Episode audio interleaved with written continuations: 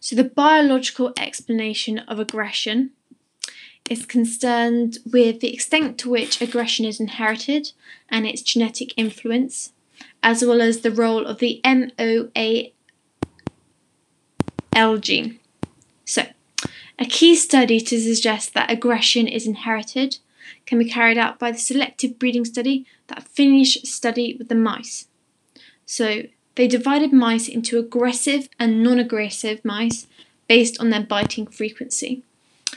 Um, researchers then bred the mice for 19 generations, either with the aggressive or the non aggressive mice, and they found after this 19 generations that the aggressive mice had a biting frequency 10 times greater than the non aggressive mice, strongly suggesting aggression is inherited.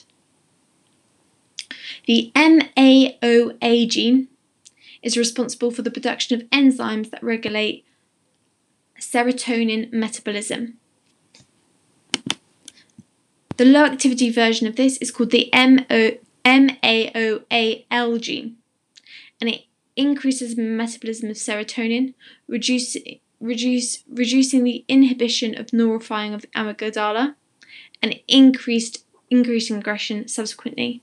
Because if the neural firing of the amygdala is greater, we're more aggressive.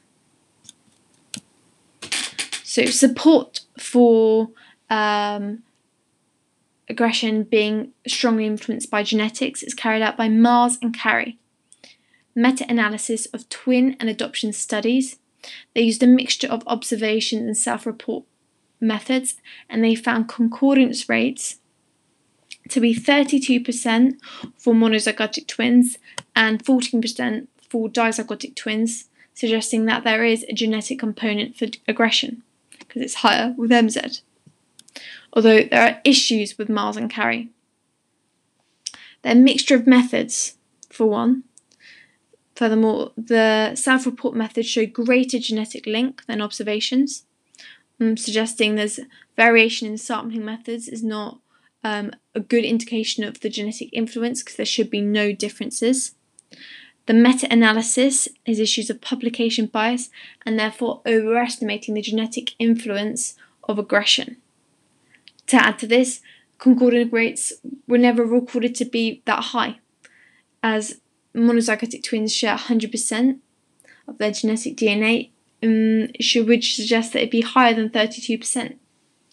Although there is much support for the MAOAL gene, such as that from Brunner and his Dutch family all males had the, the low activity version of the gene, and all males were very violent, such as being involved in rape or murder crimes.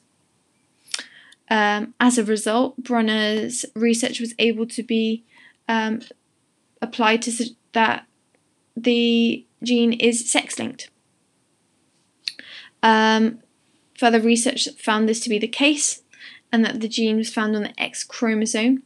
And because females have two of these, they're less likely to be affected by the recessive mutation, thus explaining why no females in the Dutch family um, exhibited such aggressive behaviours.